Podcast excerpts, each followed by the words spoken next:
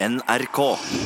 Dette er Sommer i P2s podkastversjon, der musikken er forkortet.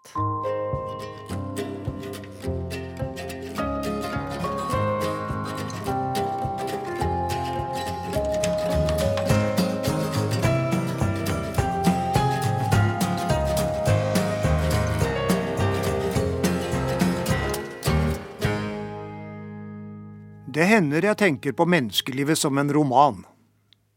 En roman kan være lang eller kort. Den kan være god eller dårlig. Interessant eller uinteressant. Spennende eller kjedelig. Dels avhengig av forfatteren, dels av leseren. En roman skapes av en forfatter. Et menneske skapes gjennom unnfangelsen og utviklingen i sin mors liv. Det formes av arv og miljø. Genene er der. Så kommer barndomsopplevelser, venner, kolleger, mennesker vi møter helt tilfeldig, bøker vi leser, filmer og teaterstykker. Alle vi møter og alt vi opplever er med på å forme oss. Når forfatteren har sluttført sin roman og den er utgitt av et forlag, havner den på bokhandlerens disk, og leserne blir dens dommere. Kanskje vil romanen leve videre i deres sinn, glede dem, forarge dem, inspirere dem. Et menneskes liv avsluttes her på jorden ved at mennesket dør. I likhet med romanen vil også mennesket leve videre en tid. Ikke så håndfast som en bok i en bokhylle, men videre i erindringen til mennesker det har møtt. Jeg avslutter disse betraktningene på et punkt der alle lyttere vil kunne si seg enig. På spørsmålet om mennesket så får et liv etter jordelivet, gir min tro islam sitt svar, men det skal jeg ikke si mer om her. Kjære lytter, mitt navn er Truls Noramad Bølstad. Da jeg ble spurt om å delta i Sommer i P2, fikk jeg beskjed om å tenke over hendelser som har endret noe i livet mitt. Som for ethvert annet menneske er det mange slike, men jeg tror at det redaksjonen var mest opptatt av, var at jeg i ung alder konverterte til islam. Jeg husker godt den dagen det skjedde. Det var den 2. februar i 1957. Da var jeg 15 år og 8 måneder gammel. Jeg kommer tilbake til dette om litt, men jeg har tenkt å snakke om mye annet også. Om krigen, om Oslo kommunale feriekolonier, om kjærlighet og om yrkesvalg. Men først et stykke om sommernatten. Det passer seg i et program med tittelen Sommer i P2. Vi skal ikke sove bort sumernatta, hun er for ljos til det. Da skal vi vandra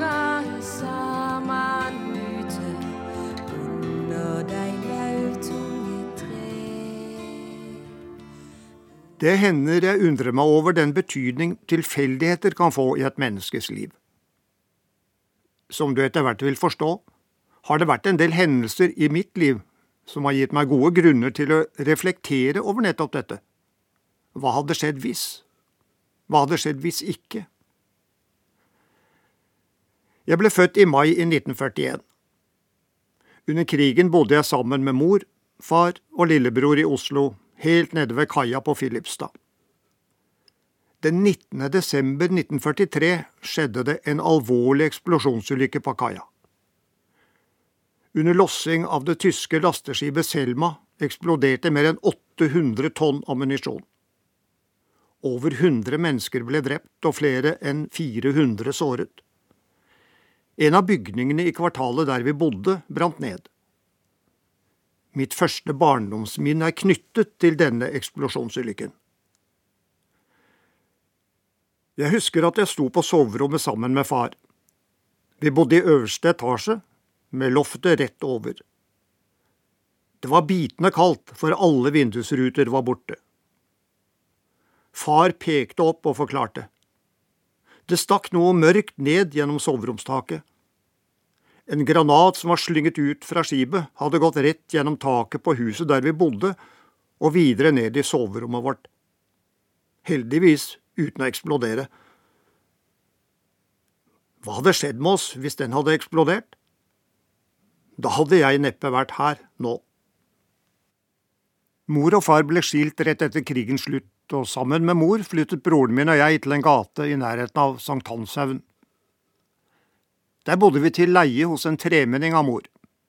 Hun var lærerinne, som det het en gang, ved Ila skole i Oslo. Mor måtte arbeide på kontor for å skaffe penger til livets opphold.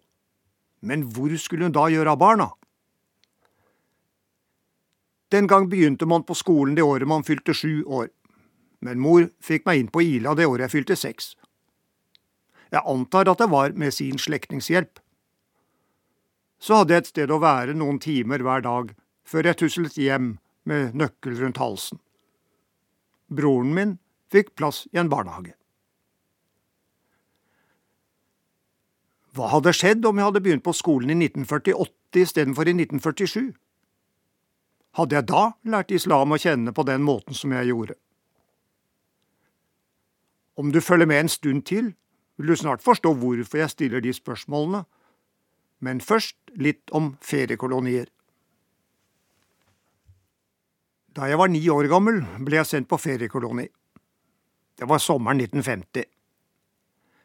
På den tiden hadde Oslo kommune mange feriekolonier der barn fikk plass etter helsemessige og sosiale kriterier.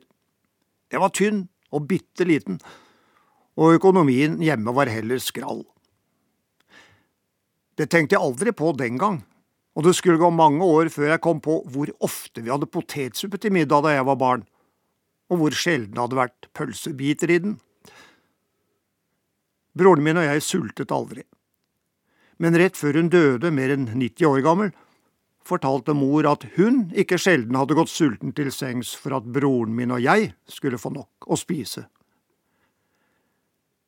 Sammen med broren min kom jeg til en koloni på Dal ved Eidsvoll. Der skulle vi være i seks uker. Vi var mer enn 70 gutter og lå på store sovesaler. Særlig de første kveldene var det mye gråt og snufsing å høre. På kolonien vår var det noen husker og et par fotballer, og så var det veldig mange unger å leke med. Vi lekte sisten og gjemsel og vippe pinne, vi laget bondegård ved hjelp av kongler og pinner og tygget kvae fra gran og furutrær. Noen av guttene fanget gresshopper og laget konkurranser om hvem av dem som kunne hoppe lengst. Det sto vaskevannsfat i et åpent skur, og en gang i uken marsjerte vi til et sted der vi dusjet. Broren min led veldig av hjemlengsel. Som storebror følte jeg ansvar for ham og forsøkte å trøste så godt jeg kunne, men jeg lengtet jo hjem, jeg også. På dagtid gikk det stort sett greit, opptatt som vi var med leking og fotballsparking. Men en dag vi ble stående sammen, sa broren min gråtkvalt, Hva tror du mor gjør nå? Det ble for mye for meg. Ikke snakk om mor, ropte jeg og gjøv løs på ham så sloss vi helt til den voksne kom og skilte oss. Broren min døde for noen år siden. Vi sto hverandre veldig nær, og det gjør meg fortsatt ondt å tenke på at jeg sviktet som storebror den gangen. Feriekolonien lå på et stort, inngjerdet område. Ofte sto vi og hang ved gjerdet og så på livet utenfor. På veien passerte taterfølger, med hest og kjerre, brunbarkede menn, kvinner med fargerike tørklær og barn som vi misunte. For en frihet, tenkte vi.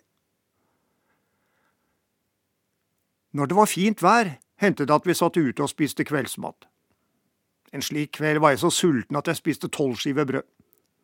Da sa betjeningen stopp. Jeg var fortsatt sulten og fikk etter hvert fire skiver til, men uten smør og pålegg. Meget urettferdig, syntes jeg. 16 skiver er for øvrig fortsatt min personlige rekord. Da jeg kom hjem den sommeren, ble jeg alvorlig syk. Jeg hadde fått viruslungebetennelse og havnet til slutt på Ullevål sykehus der jeg lå bevisstløs i flere døgn. Mange år senere ble jeg fortalt at det var et ganske nytt legemiddel, evryomesin, som hadde reddet meg. Hva hadde skjedd hvis ikke? Men jeg overlevde altså, en forutsetning for at du hører meg snakke her. Min erfaring med feriekoloni, både denne første og tre senere, skulle få stor betydning for mitt liv, men det kommer jeg tilbake til. Etter alt dette pratet er det på tide med et musikalsk innslag igjen. Nå regner du kanskje med å få høre Lillebjørn Nilsens feriekolonivise Stilleste gutt på sovesal 1. Det får du ikke. Isteden skal du få høre en vise om en hest. En hest. Læreren på kolonien hadde grammofon og spilte ofte Gamle Svarten når vi satt ute og spiste brødskiver i den lyse sommerkvelden. Gamle Svarten, kamrat på vidaferden. Gamle Svarten, den beste her i verden. När din vandringsfärd är över vänta gröna ängars klöver på dig, min trogne gamle vän. Det var Arne Sveen som sang Gamle Svarten. Jeg heter Truls Noramad Bølstad, og i dagens Sommer i P2 forteller jeg om hvordan en rekke valg og tilfeldigheter har vist seg å bli svært viktige i mitt liv. Som barn var jeg bestandig i full fart. Spesielt likte jeg å spille fotball. Et totalt feilvalg, så tynn og spjælete som jeg var, men det var så gøy.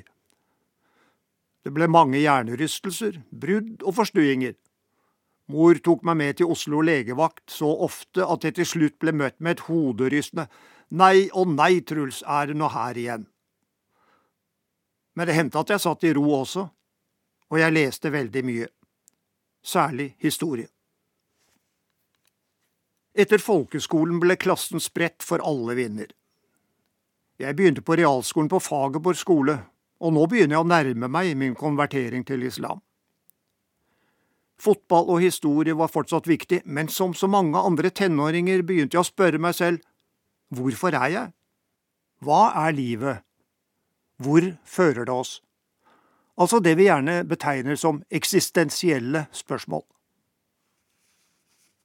På folkeskolene hadde vi hatt mye kristendom. Vi sang salmer og lærte bibelhistorie. Vi lærte Fader vår, trosbekjennelsen og de ti bud. Men nå begynte jeg å lese og lære på en annen måte. Om lutherdommen og den katolske kirke. Om adventister, baptister, metodister, pinsevenner osv., osv. Jeg leste om buddhisme og hinduisme, om bahai, og jeg leste filosofi, men ikke noe om muhammedanismen. Jo da, muhammedanismen. Det var den betegnelsen som ble brukt her i Norge den gangen. Men den religionen virket altså helt uinteressant. Høsten 1956 skulle jeg begynne på gymnaset, men hva skulle jeg velge? Reallinjen var ikke noe å tenke på. Jeg oppfattet enhver x, y og parentes som en fiende, og gikk meg alltid vill i jungelen av ligninger.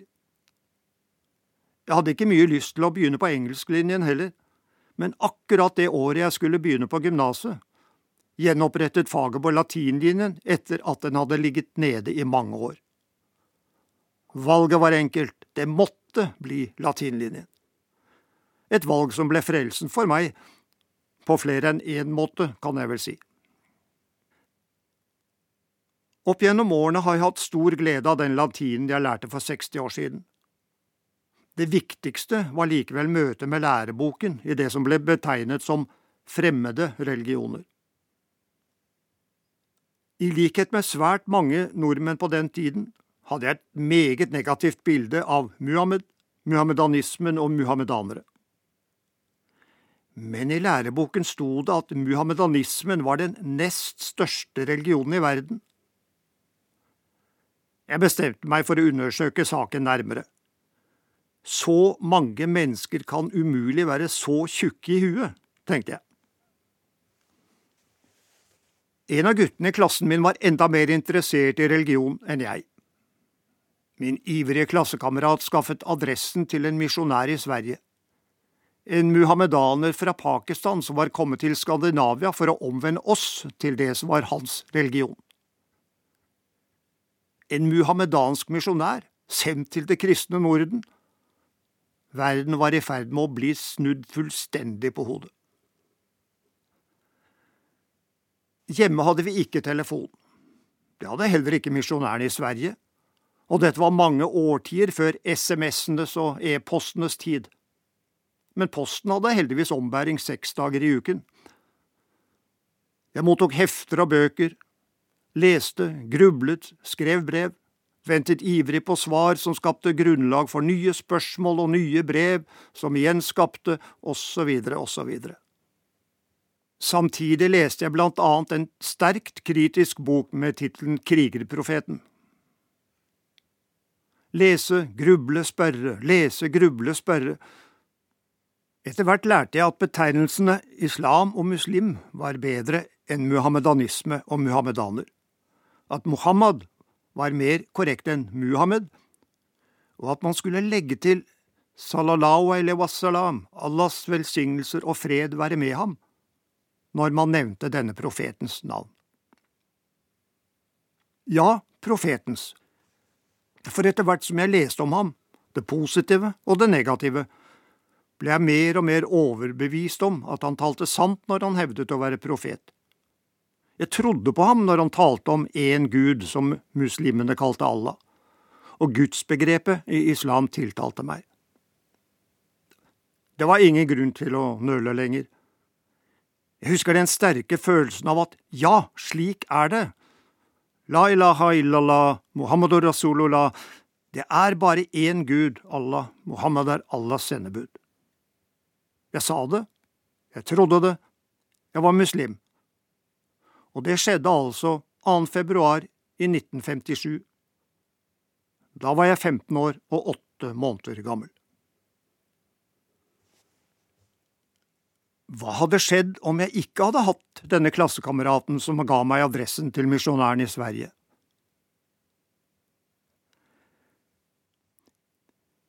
Enkelte steder står det å lese at jeg er Norges første muslim, og feil som en gang har stått på trykk, synes umulig å fjerne. Men altså, det er fullstendig feil, dette at jeg er Norges første muslim. Min klassekamerat og en annen venn av ham konverterte til islam en måneds tid før meg. Sammen dannet vi den første muslimske menigheten i Norge. Det var i februar 1957 de to forlot islam igjen etter kort tid, men de konverterte altså før meg, og jeg vet at to norske kvinner konverterte til islam i London på 1920-tallet. Jeg er ofte blitt spurt om hvordan familie og venner reagerte da jeg konverterte. Reaksjonen i den nærmeste familie var ikke særlig positiv, for å si det forsiktig, men etter et par år rote seg. Venner og klassekamerater syntes bare at jeg hadde tatt et merkelig valg, og kom med en strøm av spørsmål og motargumenter som gjorde at jeg igjen og igjen måtte spørre meg selv om det valget jeg hadde tatt, var riktig. Jeg leste, jeg grublet, jeg argumenterte, og gikk igjennom en slags herdingsprosess som gjorde troen enda sterkere.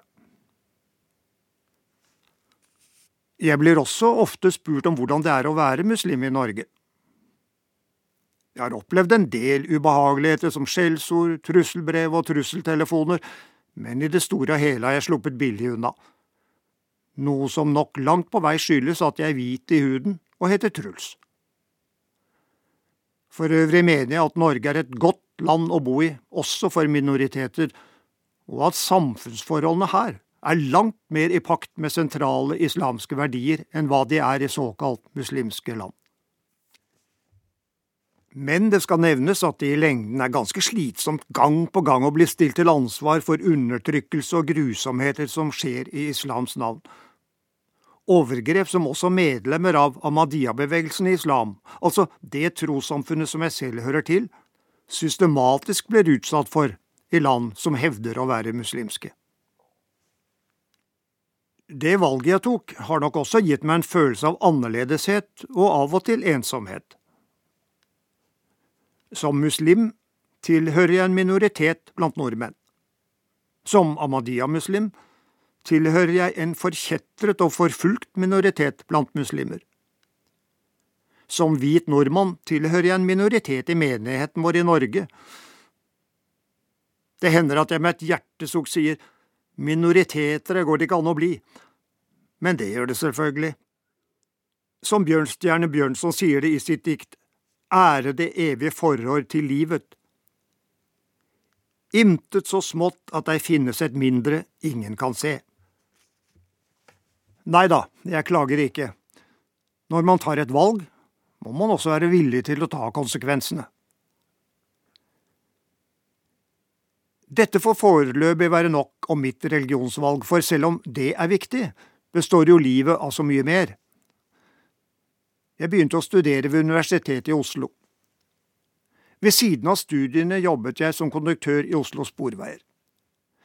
Det hadde jeg tenkt å gjøre også sommeren 1960, men så så jeg en stillingsannonse som fritidsleder ved Oslo kommunale feriekolonier, og feriekolonilivet, det var noe jeg hadde erfaring med. Jeg fikk jobben. På en av nabokoloniene jobbet en ung, flott jente fra Trondheim. Og for å si det med tittelen på en kjent bok av den danske forfatteren Jens August Schade, Mennesker møtes og søt musikk oppstår i hjertet. Her kommer Dein ist mein ganzes Herz fra den kjente operetten Smilets land av Frans Lehar.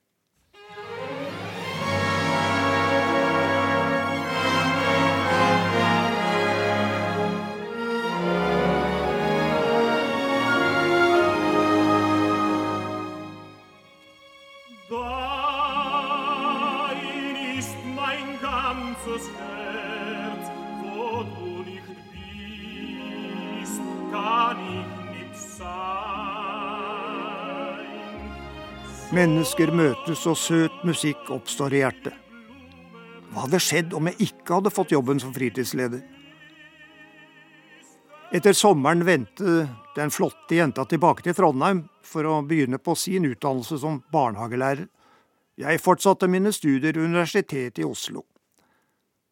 Så begynte militærtjenesten, og etter hvert ble jeg overført til Luftforsvarets befalsskole i Stavern. Jeg ble den aller første rekrutt befalselev, befalingsmann og vernepliktig offiser i det norske forsvaret som var muslim. Det er litt rart å tenke på nå, for senere har tusenvis av muslimske ungdommer, både kvinner og menn, gått samme vei. Jeg tjenestegjorde som befal i Luftforsvaret i en ganske liten leir i den kalde krigens tid.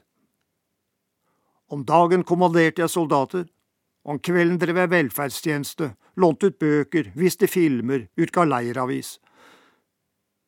Innsatsen ble satt pris på, og mine overordnede oppfordret meg til å søke opptak på Luftkrigsskolen.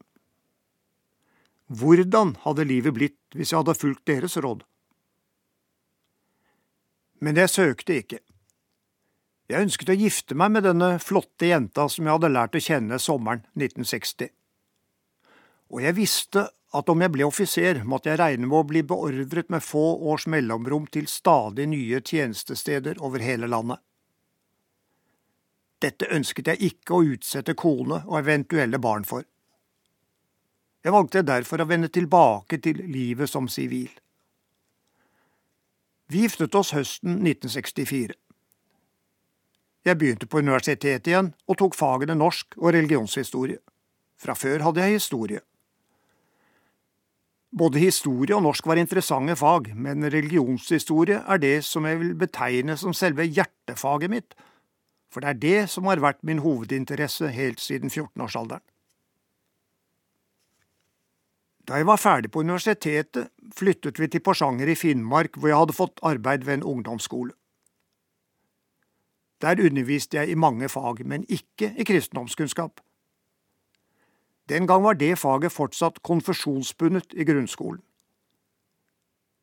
Med min grad i religionshistorie hadde jeg kompetanse til å undervise også i kristendomsfaget, men jeg lot det være for ikke å provosere foreldrene.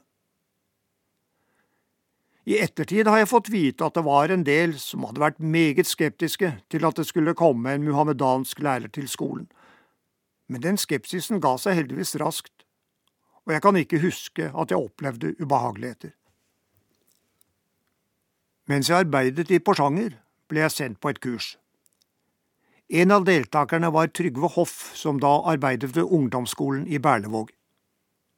Han var et oppkomme av historier, og jeg har aldri ledd så mye verken før eller siden. Lite visste jeg da at han senere skulle bli en kjent visedikter og visesanger med en helt spesiell stemme. Han døde så altfor tidlig, bare 49 år gammel, i 1987. Men til glede for mange lever stemmen hans videre på plate. Du hører på Sommer i P2. Jeg heter Truls Noramad Bølstad, og jeg har nettopp fortalt om den fine tiden jeg hadde som lærer i Porsanger i Finnmark på 70-tallet. På slutten av 60- og begynnelsen av 70-tallet var Finnmark i en spennende brytningstid med økende samisk og kvensk selvbevissthet. Det var mye som holdt oss der. Fjorden og strendene, mørketiden og midnattssolen, elvene og fiskevannene, og vidda med lukten av lyng og pors. Men først og fremst var det menneskene, de som omtales som de tre stammer – samer, kvener og nordmenn. Mer enn 45 år senere har jeg og familien fortsatt venner i nord.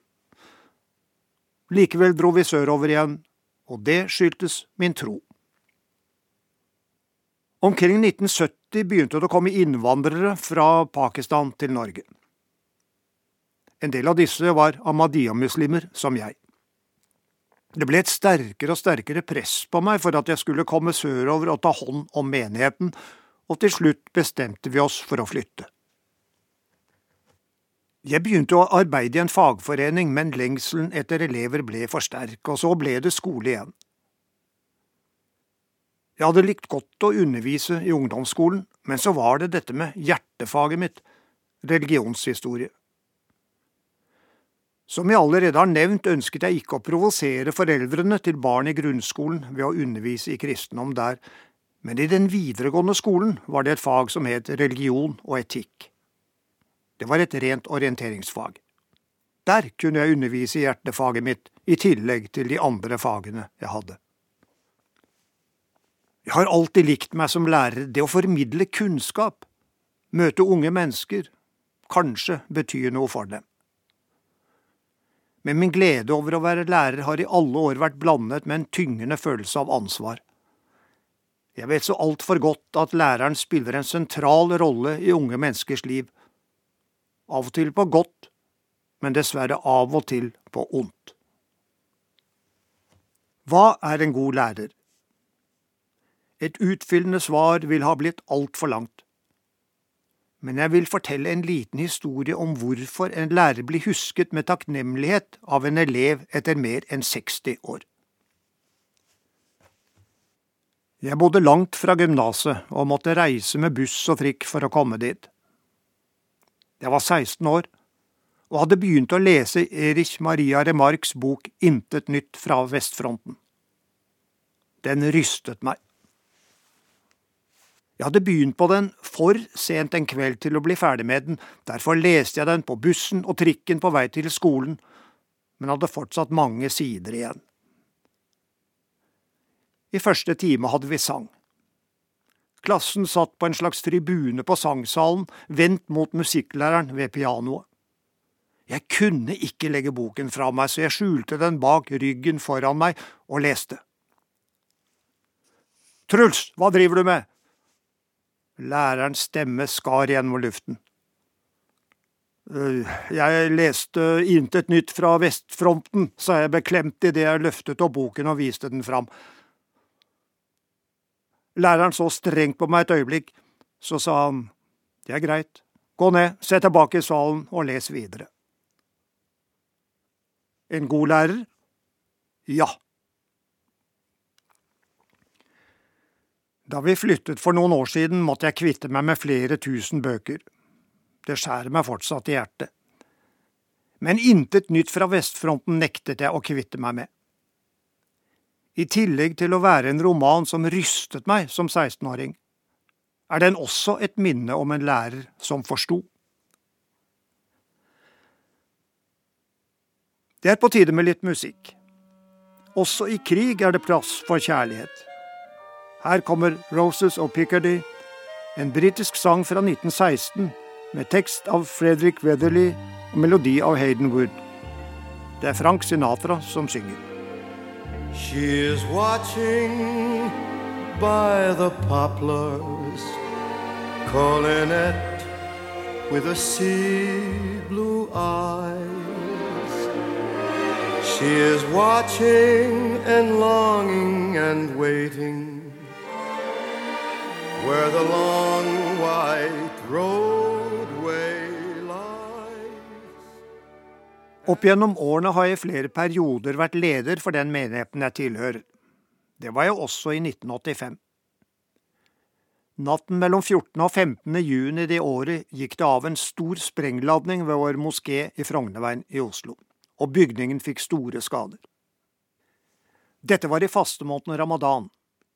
Normalt ville moskeen ha vært full av bedende på det tidspunktet bomben gikk av, men akkurat denne dagen var kveldsbønnen blitt flyttet til et annet sted, i en annen bydel. Hva hadde skjedd hvis ikke? Dagen etter var det fredag og fredagsgudstjeneste. Da ba vi på plenen utenfor moskeen, fylt av takknemlighet for at både våre og våre naboers liv var blitt spart. Gjerningsmannen ble tatt og dømt. Det var en person med tilknytning til det nynazistiske miljøet. Jeg vet at han senere angret dypt på det han hadde gjort. Det er noe som kalles kontrafaktisk tenkning. Hva hadde skjedd hvis? Hva hadde skjedd hvis ikke? Som du sikkert har lagt merke til, har jeg stilt de spørsmålene noen ganger i dette programmet. I filmen Sliding Doors fra 1998 følger vi Gwyneth Paltrow i hovedrollen som Helen. Etter å ha fått sparken på jobben drar Helen hjem tidligere enn vanlig, og deretter følger vi hennes skjebne videre i to varianter. I den ene kommer hun for sent til undergrunnsbanen, med de konsekvenser dette får. I den andre varianten rekker hun banen, med de konsekvenser det får. Men et menneskeliv leves ikke i to varianter. Vi vil aldri få vite hva som hadde skjedd med oss om ytre begivenheter eller egne valg hadde vært annerledes enn de ble. Og egentlig er det ganske fruktesløst å gruble over det, men likevel. Dette programmet har handlet om noen av de hendelsene og valgene som har vært skjellsettende i mitt liv. De ytre begivenhetene kan man ikke gjøre stort med. Men avslutningsvis vil jeg nevne de tre viktigste valgene jeg har tatt. For 63 år siden sa jeg ja til den tro som senere har vært grunnvollen i mitt liv. Hvordan hadde livet mitt blitt om jeg ikke hadde konvertert? For 59 år siden traff jeg den kvinnen som fremdeles kan få meg til å tenke Dein ist mein ganzes Herz.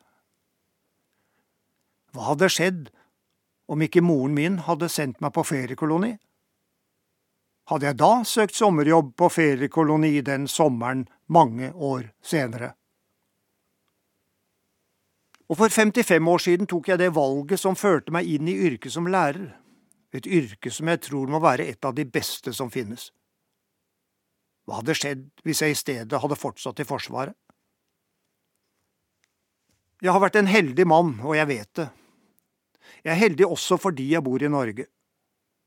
Jeg sier ikke at Norge på alle måter er bedre enn andre land. Jeg tror heller ikke at nordmenn er bedre enn andre mennesker, men jeg elsker landet mitt, og derfor vil jeg avslutte dette programmet med den vakre sangen Norge, mitt Norge. Teksten er av Theodor Kaspari. Melodien er av Alfred Paulsen, og det er Njål Sparbo som synger. Takk for at du har tatt deg tid til å lytte. Jeg håper at du synes at det var verdt det. Du har hørt Sommer i P2 med Truls Bølstad. Tekniker var Eli Kyrkjebø, produsent var Janne Kjellberg.